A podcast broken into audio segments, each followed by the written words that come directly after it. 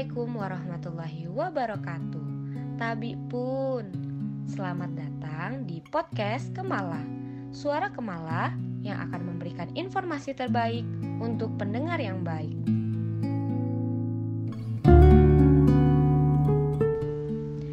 Halo semuanya, gimana nih kabarnya? Semoga semuanya dalam keadaan sehat walafiat ya.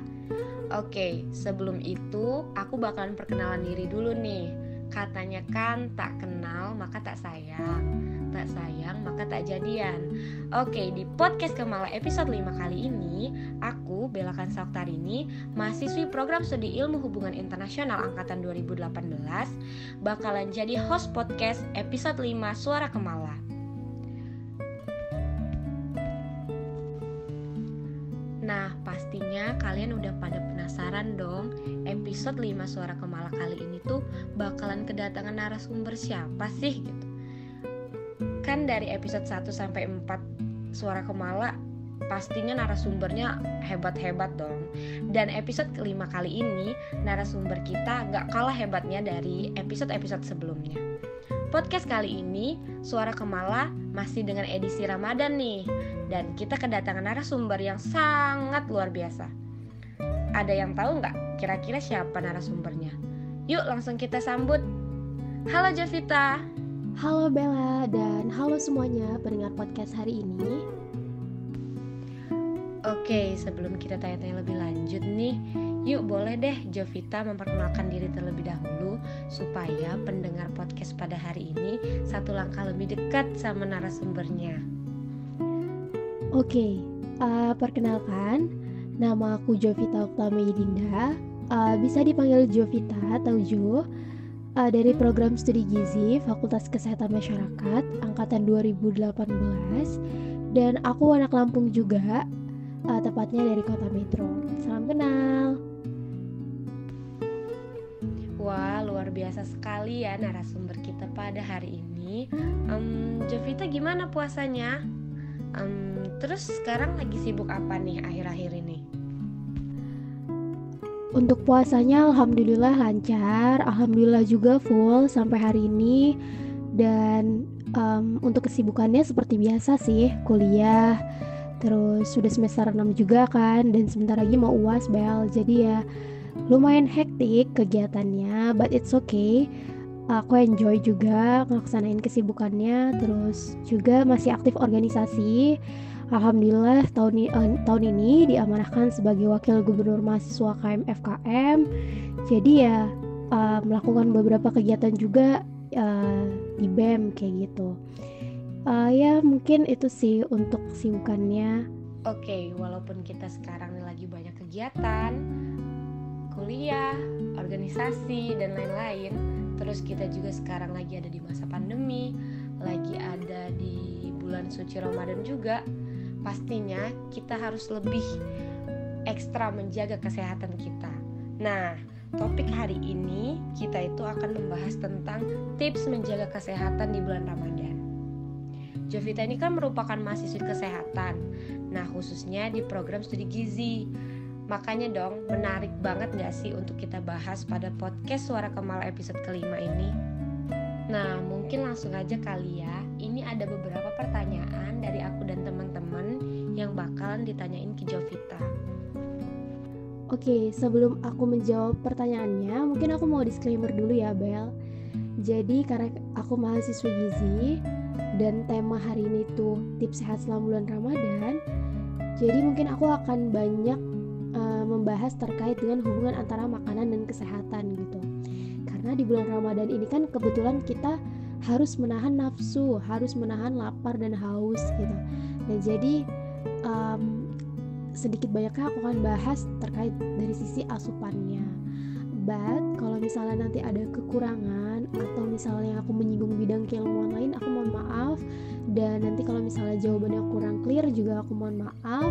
Dan semoga ya il sedikit ilmu yang aku sampaikan atau informasi yang aku sampaikan di podcast ini bisa bermanfaat buat teman-teman yang mendengarkan podcast hari ini. Nah, langsung aja kali ya kita ke pertanyaan yang pertama. Ini ada nih yang mau kita tanyain. Kan puasa itu pasti memiliki efek atau dampak nih bagi tubuh. Nah, kalau dari segi kesehatan sebenarnya apa sih manfaat dari puasa itu sendiri dan ada nggak dampak negatif bagi tubuh kita? Oke, menjawab pertanyaan yang pertama ini, mungkin kita bisa lihat dari dua sisi ya, Bel. Yang pertama dari sisi Islamnya dan yang kedua dari sisi bidang keilmuan kesehatannya. Jujur sempat penasaran juga, kenapa sih Islam menganjurkan umatnya untuk berpuasa? Bahkan gak cuma di bulan Ramadan aja di satu waktu khusus selama satu bulan, tetapi di hari-hari biasa juga kita dianjurkan untuk berpuasa. Sunnah, contohnya Senin Kamis, puasa Daud, atau bahkan puasa di hari-hari khusus gitu. Nah, ternyata dengan berpuasa kan kita menahan hawa nafsu. Kita uh, menahan amarah, kita menahan uh, kesedihan, terus juga uh, kita bisa mengurangi stres dengan menahan hawa nafsu itu menahan ke kemarahan itu dan itu baik bagi kesehatan tentunya lalu kita juga diberikan kesempatan oleh Allah untuk uh, merasakan bagaimana sih saudara-saudara kita yang kesulitan untuk mendapatkan makanan yang mungkin makannya satu hari sekali atau mungkin seadanya gitu. Dan kita dikasih kesempatan untuk menjadi pribadi yang lebih bersyukur. Karena kita diberikan kesempatan untuk dapat menikmati segala jenis hidangan dan segala jenis makanan dengan mudah gitu ya. Sedangkan banyak di luar sana yang tidak bisa. Lalu uh, selain itu juga kita uh, bisa meminimalisir dosa yang kita lakukan atau maksiat yang kita lakukan gitu ya. Karena di bulan Ramadan dianjurkan kita untuk melakukan kebaikan sebanyak-banyaknya karena itu dilipat gandakan oleh Allah. Jadi memang uh, banyak sekali manfaat-manfaat uh, berpuasa dari segi keislamannya. Yang ternyata itu juga berkorelasi positif dengan uh, bidang ke kesehatan kayak gitu. Jadi memang dengan berpuasa ada beberapa manfaat loh bagi kesehatan manusia gitu, bagi kesehatan kita. Apa aja sih kira-kira manfaat dari kesehatan itu? Kalau tadi pertanyaannya, apa sih manfaat dari puasa dan apakah puasa itu memiliki dampak negatif? Ya jawabannya bisa keduanya. Jadi basically pada dasarnya Bel, uh, berpuasa itu banyak manfaatnya. Dan kita nggak bisa secara cuma-cuma dapat manfaat itu hanya karena kita nggak makan atau misalnya kita nggak minum gitu ya. Puasa itu bisa kita dapat manfaatnya kalau misalnya kita lakukan dengan cara yang benar. Itu cara yang seperti apa gitu Ya, jadi mungkin seperti yang kita tahu ya, kalau misalnya sehari-hari kita tidak berpuasa, kita makan tiga kali sehari nih. Makan sarapan, makan siang, terus makan malam gitu ya. Terus belum lagi di selingan itu makan snack dan jajanan lainnya. Sedangkan saat berpuasa, kita hanya makan saat sahur. Terus uh, selama seharian penuh kita nggak makan, kita melewati makan siang, lalu baru makan lagi ketika berbuka puasa atau makan malam gitu ya. Nah, kita bakalan dapat manfaat dari puasa itu yaitu kalau misalnya dilakukan dengan cara yang benar. Kita melewati makan siang. Porsi makan kita yang biasanya tiga kali sehari itu jadi berkurang gitu. Tapi akan jadi salah kita nggak akan jadi kita nggak akan dapat manfaat dari berpuasa bila kita ya beranggapan bahwasannya uh, gue udah nggak makan siang terus gue udah melewati makan siang jadi gue mau makan sebanyak banyak lah. Mau semua mau makan semua makanan yang enak beli semua makanan yang enak gitu ya. Terus saat berbuka balas dendam kan pengen makan semuanya. Nah itu kita nggak akan dapat manfaat dari puasa. Karena ya percuma aja gitu. Yang seharusnya puasa itu memang mengurangi porsi makan kita dalam sehari ya bakalan sama aja saat berbuka dihantam lagi dengan makanan-makanan sebanyak mungkin gitu untuk membalaskan dendam gitu ya justru malah itu nanti akan menimbulkan dampak negatif akan menimbulkan ya bisa aja menimbulkan penyakit-penyakit lain gitu ya karena makan berlebihan, begah dan lain sebagainya gitu. Nah, jadi itu. Jadi kalau membahas terkait dengan manfaat dari puasa itu banyak, tapi kita bisa mendapatkannya kalau misalnya kita berpuasa dengan tata cara yang benar gitu. Dan uh, dampak negatif dari berpuasa itu juga ada. Nah, kalau misalnya kita uh, melaksanakannya dengan cara yang salah juga gitu. Dan ini berpuasa ini aku berbicara dari segi orang yang sehat ya, orang yang normal gitu. Karena kalau misalnya kita bahas orang yang memiliki riwayat penyakit, orang yang komorbid atau misalnya orang yang lagi sakit itu berbeda lagi gitu ya. Kita harus lihat dulu jenis penyakitnya apa dan apakah memang diizinkan untuk berpuasa.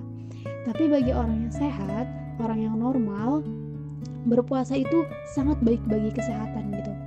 Nah di antaranya apa sih kira-kira manfaat dari berpuasa itu bagi kesehatan kita gitu ya? Yang pertama, dengan kita berpuasa itu sebenarnya sebagai proses detoksifikasi kita, pengeluaran racun-racun kita gitu ya. Nah, jadi memang berpuasa itu sangat bermanfaat untuk mengeluarkan sisa-sisa racun yang ada di tubuh kita, yang biasanya tertumpuk dengan segala asupan makanan yang kita makan, itu bisa kita keluarkan karena kita uh, membatasi asupan kita dalam sehari itu. Lalu yang kedua, itu menyehatkan organ-organ pencernaan yang pastinya Bel. Kenapa? Karena ya uh, seperti yang kita tahu ya, kalau misalnya kita sehari-hari selalu memaksakan organ pencernaan kita, utamanya lambung itu untuk bekerja, mencerna makanan, saat berpuasa kita kasih waktu untuk mereka istirahat gitu, untuk mereka meregenerasi sel mereka. Karena ya um, ketika kita berpuasa, uh, lambung itu tetap tetap mencerna makanan, terutama yang makanan yang kita makan saat sahur ya Nah itu. Cuman bedanya dia tidak sekeras biasanya bekerjanya. Jadi kita ngasih kesempatan dia untuk regenerasi sel dan organ-organ pencernaan kita jadi lebih sehat gitu. Terus uh, yang selanjutnya itu uh, mungkin kita juga harus tahu ya kalau misalnya kita membatasi porsi makan kita itu tandanya juga kita uh, membatasi asupan glukosa atau gula ke dalam diri kita. Nah, itu juga baik bagi kesehatan. Kenapa? Karena itu dapat menurunkan kadar gula darah dalam tubuh kita. Uh, sebagai contoh, uh, kalau uh, kalau misalnya ini ini juga bermanfaat ya, misalnya untuk pasien diabetes misal. Nah, ini bermanfaat kalau misalnya mereka berpuasa karena ya uh, bakal menurunkan kadar gula darah mereka karena kita kan makannya terjaga ya teratur. Cuman saat sahur dan saat berbuka sehari penuh kita nggak makan sel-sel detoksifikasi regenerasi sel gitu. Jadi lebih sehat gitu loh. Nah itulah kenapa uh, berpuasa ini bagus juga untuk menurunkan kadar gula darah. Lalu yang ketiga berpuasa ini bagus untuk mengontrol berat badan gitu. Ya bisa bayangkan ya kita kan nggak makan dengan berlebihan saat berpuasa. Jadi usahakan nggak berlebihan ya dan kita makannya nggak sembarangan gitu. Jadi kita bisa mengontrol berat badan kita uh, ketika kita berpuasa gitu ya. Terus selanjutnya itu kita tuh gini kalau misalnya kita mengurangi porsi makan kita otomatis kita juga bisa mengurangi porsi lemak yang kita makan. Misalnya dalam sehari kita makan gorengan berapa kali misalnya kalau anak kuliah makan pepek berapa kali gitu makan yang berminyak-minyak tuh berapa kali sedangkan saat berpuasa kita tahan semua itu. Jadi itu ngasih kesempatan buat lemak-lemak kita tuh terbakar gitu pembakaran lemak gitu ya. Karena kalau misalnya kita nggak dapat energi dari glukosa dari makanan misalnya glukosa udah habis nih dicerna ya dikit uh, ya tubuh kita tuh akan membakar lemak untuk mendapatkan energi untuk memberikan tubuh kita energi tuh. Nah jadi itu berfungsi untuk melakukan pembakaran lemak. Jadi insya Allah tubuh-tubuh di uh, lemak-lemak di tubuh kita tuh juga akan berkurang gitu ya. Dan perlu diketahui ketika tuh lemak di tubuh kita itu berkurang itu juga sangat bermanfaat loh untuk organ-organ yang lain. Contohnya apa? Misalnya uh, untuk jantung gitu ya atau untuk uh, untuk jantung ya utamanya misalnya atau hipertensi.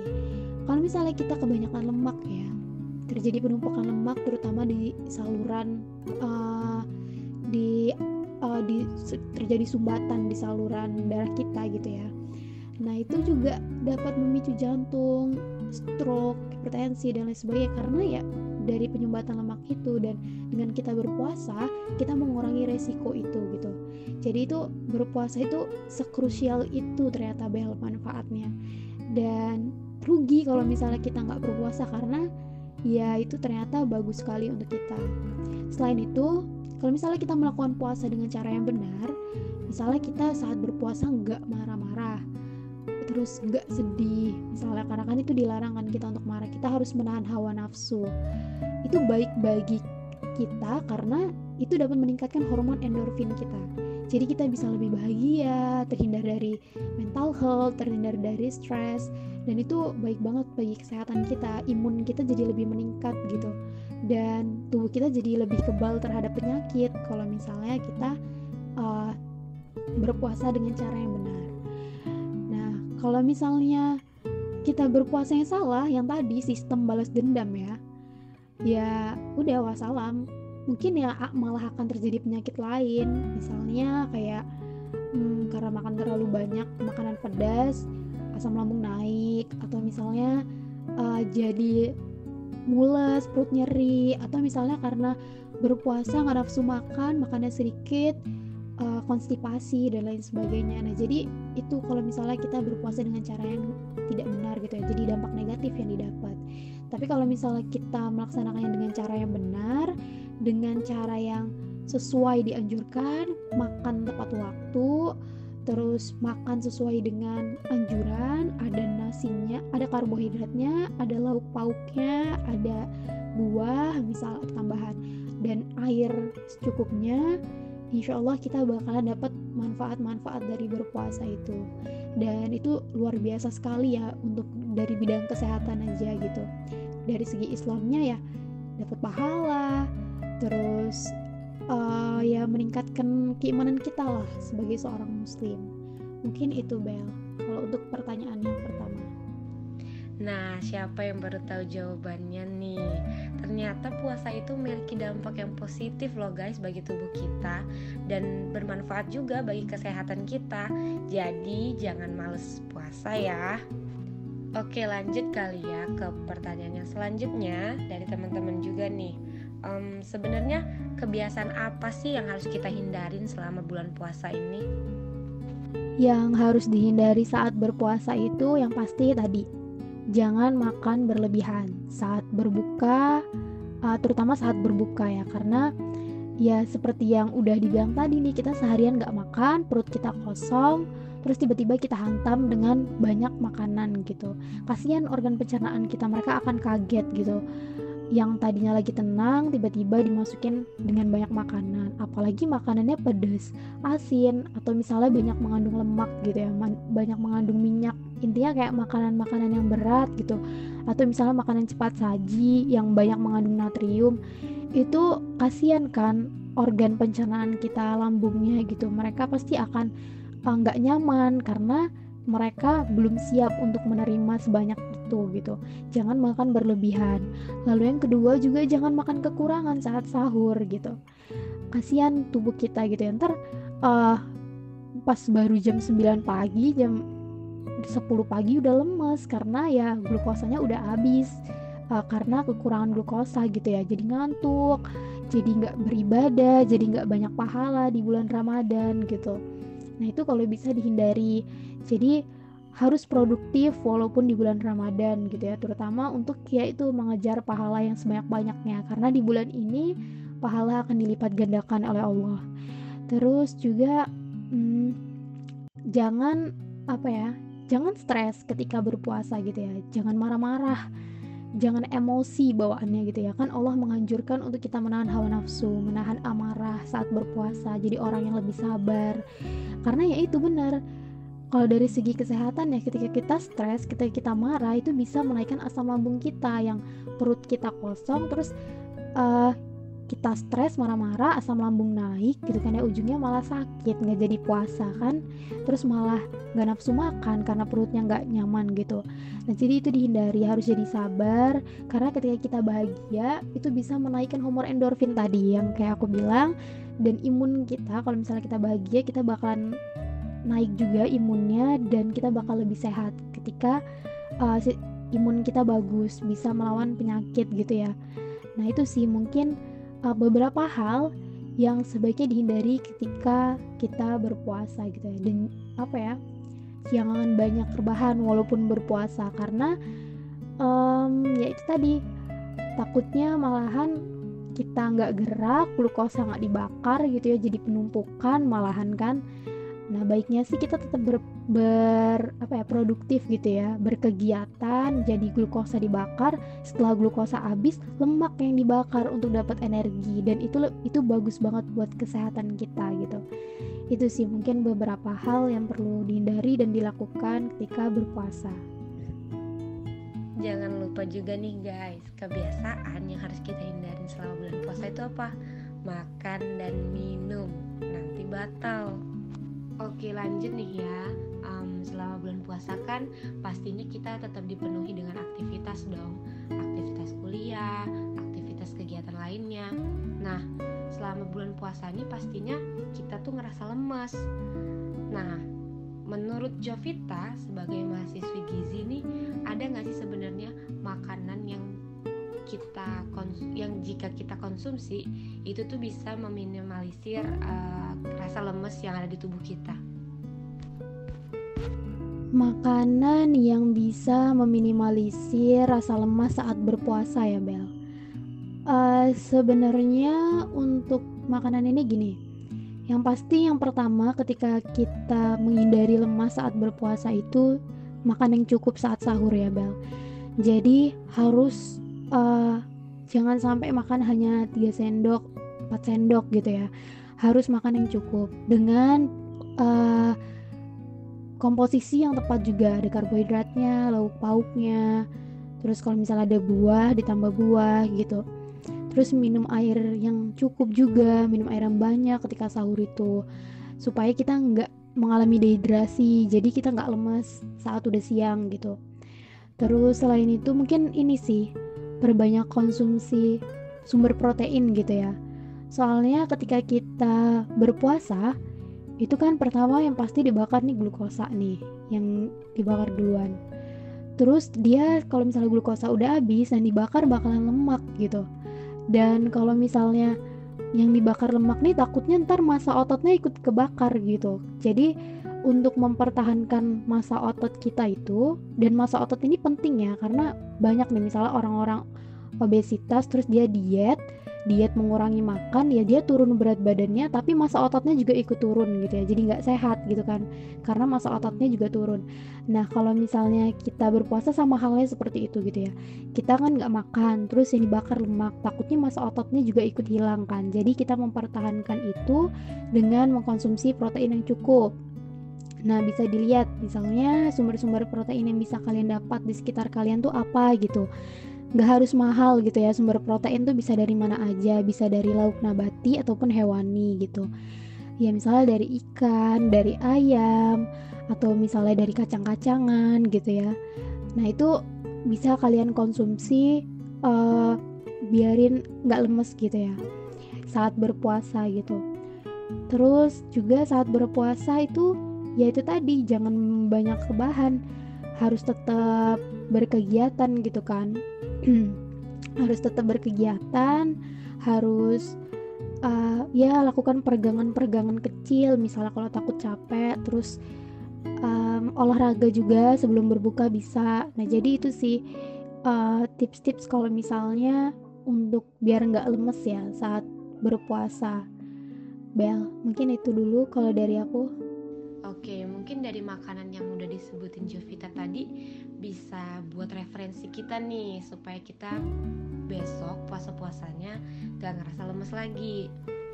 Beranjak ke pertanyaan selanjutnya nih, berkaitan nih dengan pertanyaan sebelumnya. Gimana sih cara mengurangi rasa males dan ngantuk supaya kita tetap produktif saat berpuasa? Soalnya kan kita kalau puasa nih suka males-malesan nih suka tidur seharian. Nah gimana sih caranya supaya kita tuh nggak males dan ngantuk? Biar nggak males dan tetap produktif ya. Kalau aku pribadi tuh lebih kayak gini sih.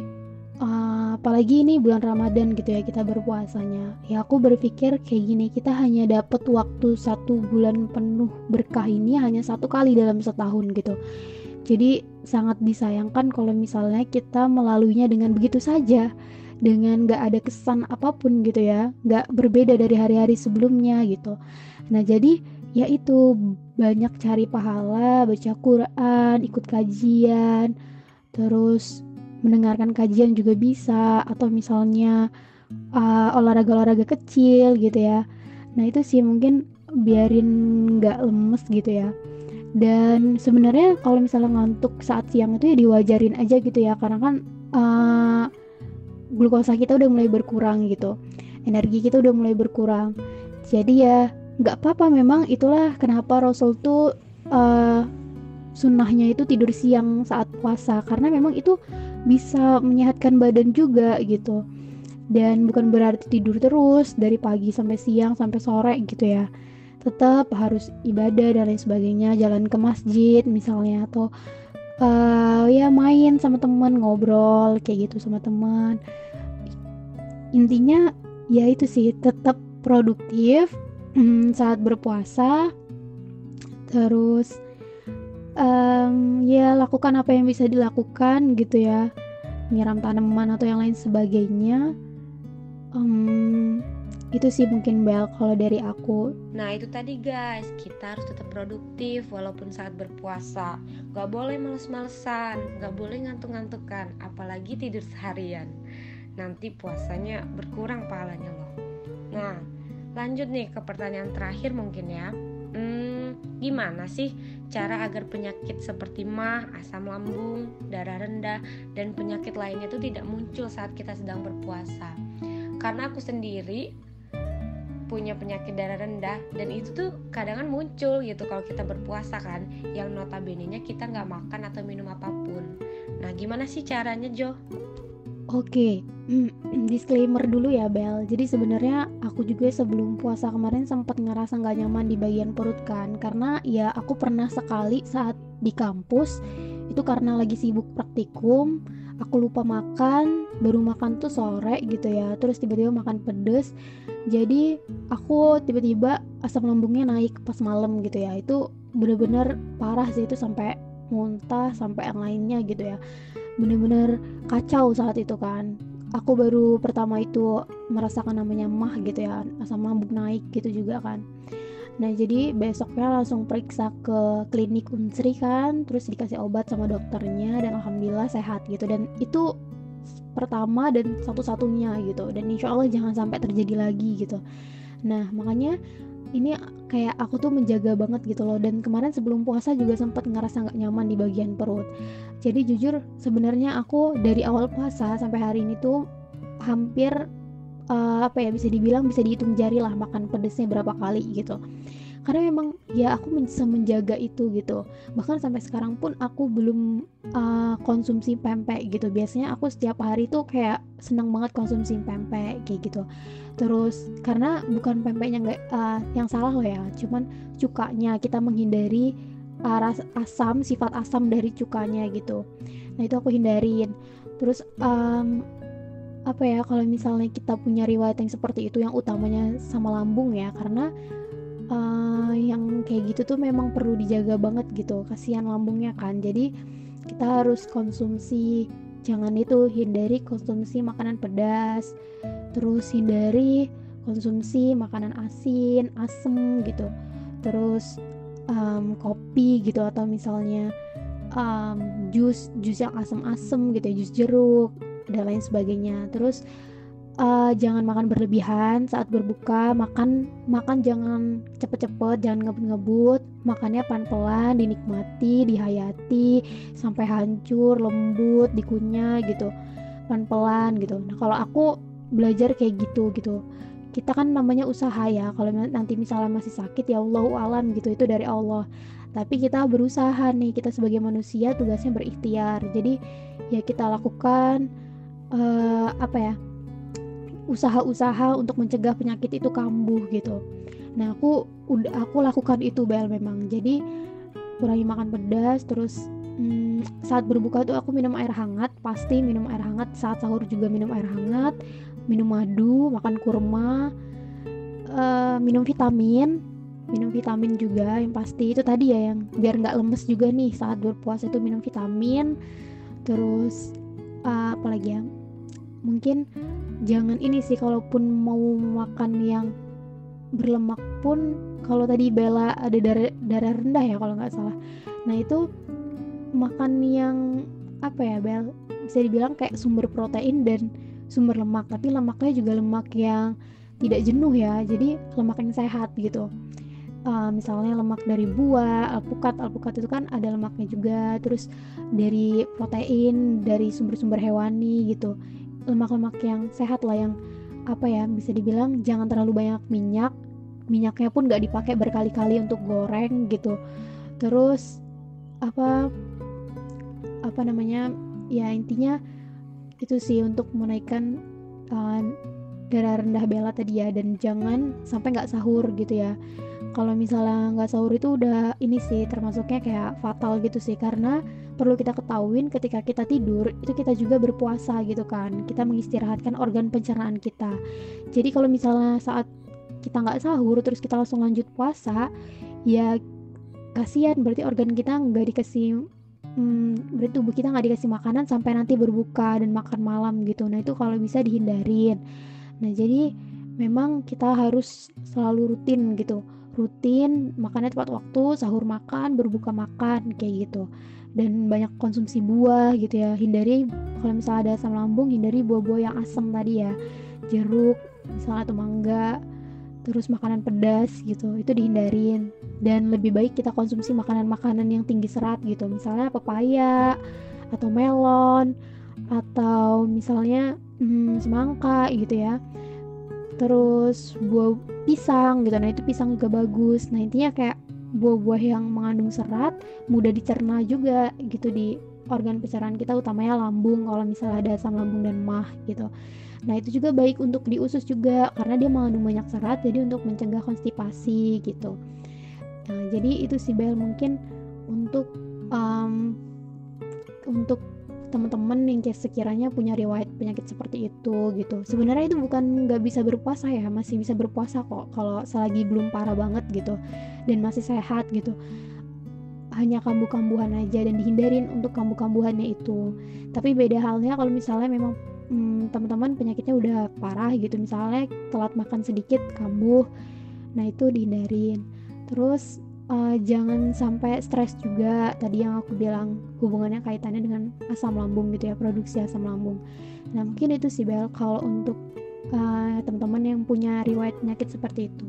Nah aku setuju banget nih sama jawaban Jovita. Intinya kita tuh harus sahur guys supaya penyakit yang ada di tubuh kita tuh nggak muncul nih saat kita sedang berpuasa. Oke, gimana nih teman-teman? Pastinya menarik banget kan pembahasan kita hari ini. Kita jadi tahu nih tips menjaga kesehatan di bulan Ramadan. Nah, sebelum menutup podcast ini, boleh dong Jovita memberikan closing statement untuk teman-teman semua supaya kita bisa tetap menjaga kesehatannya di bulan Ramadan. Oke, closing statement ya. Kalau dari aku mungkin gini sih jadi teman-teman yang mendengarkan podcast hari ini saat ini kita sedang berada di bulan Ramadan gitu ya Bulan yang penuh berkah insya Allah selama satu bulan ini. Hanya ada satu kali dalam satu tahun Dan belum tentu kita bisa bertemu di Ramadan selanjutnya. Jadi uh, maksimalkan Maksimalkan di bulan ini. Kalau misalnya teman-teman mampu untuk berpuasa Silahkan berpuasa gitu. Karena manfaat dari berpuasa itu banyak sekali apabila dilakukan dengan cara dan dengan cara yang benar dan cara yang dianjurkan gitu ya. Terus uh, aku juga mohon maaf kalau misalnya selama penyampaian tadi ada kata-kata yang salah atau misalnya ada kesalahan materi atau misalnya ada kesalahan informasi gitu ya. Itu mohon dimaafkan dan mohon diingatkan gitu. Aku juga manusia biasa yang gak luput dari kesalahan. Dan mungkin juga selain itu aku uh, memberikan tips ini bukan berarti aku yang paling tahu atau misalnya aku melakukan semua hal itu juga dengan baik dan benar itu belum tentu. Jadi aku juga masih belajar untuk menerapkannya dan apa ya aku juga uh, mencoba mengikhtiarkan untuk hidup sehat terus kayak gitu. Karena jujur aku juga punya tadi riwayat yang mah tadi tapi aku meminimalisir hal itu selama bulan Ramadan ini. eh, karena kita mengurangi asupan kita kan. Terus ya pokoknya kita harus ikhtiar terus supaya dapat manfaat dan keberkahan di bulan Ramadan ini. Baik dari segi kesehatan gak cuma kesehatan tetapi juga segi keislamannya. Semoga di bulan Ramadan ini uh, jangan sampai salah niat ya teman-teman. Orientasi kita bukan untuk mendapatkan kesehatan atau mendapatkan kelangsingan tubuh tapi keberkahan dan ridho dari Allah Subhanahu Wa Taala. Jadi kita maksimalkan niatnya itu untuk beribadah kepada Allah di bulan yang suci ini untuk uh, kesehatan badan langsing dan lain sebagainya berhemat itu hanya bonus aja teman-teman. Manfaat lain yang kita dapat jika kita mengikuti perintahnya gitu. Dan mengikuti uh, anjuran-anjuran yang diperintahkannya juga gitu. Nah jadi ya itu sih mungkin luruskan niat lakukan ikhtiar sebaik mungkin dan semoga uh, insya Allah hasil akhir itu kita tawakal kalau misalnya kita udah ikhtiar dan insya Allah kita bakalan sehat-sehat terus selama di bulan Ramadan ini dan seterusnya sampai kita bertemu di bulan Ramadan selanjutnya lagi. Nah mungkin itu saja Bel uh, kalau closing statement dari aku mohon maaf sekali lagi kalau misalnya ada kesalahan dan thank you so much buat teman-teman Kemala buat uh, buat kominfonya atau buat Bella juga yang udah jadi moderator hari ini dan buat panitia lain yang udah ngundang aku untuk ngisi podcast hari ini aku seneng banget bisa bisa apa yang ngisi podcast ini gitu loh bisa berkontribusi sedikit untuk Kemala karena uh, aku kan kurang aktif cuman uh, aku selalu berharap bisa berkontribusi gitu untuk Kemala dan alhamdulillah semoga dengan podcast ini tuh bisa bermanfaat buat teman-teman yang mendengarkan. Nah, aku mau ngucapin terima kasih nih untuk Jovita udah membagi ilmunya dan memberikan tips-tips menjaga kesehatan di bulan Ramadan dan udah meluangkan waktunya nih untuk bisa jadi narasumber di podcast kali ini. Nah, aku juga mau ngucapin makasih banyak untuk kalian semua yang udah setia dengerin suara Kemala dari awal sampai akhir. Nah, bagi kalian yang suka, jangan lupa like dan share ke teman-teman kalian juga ya. Salam kenal semuanya, aku Jovita Utama Linda dari Gizi, FKM Unsri. Asalnya dari Kota Metro, kalau mau main boleh ke Metro. Terus mungkin itu aja Bel. Dan thank you semua udah mendengarkan. Aku Bella ini pamit undur diri dan jangan lupa nih untuk teman-teman semua terus pantengin suara Kemala di setiap episodenya ya. See you. Wassalamualaikum warahmatullahi wabarakatuh.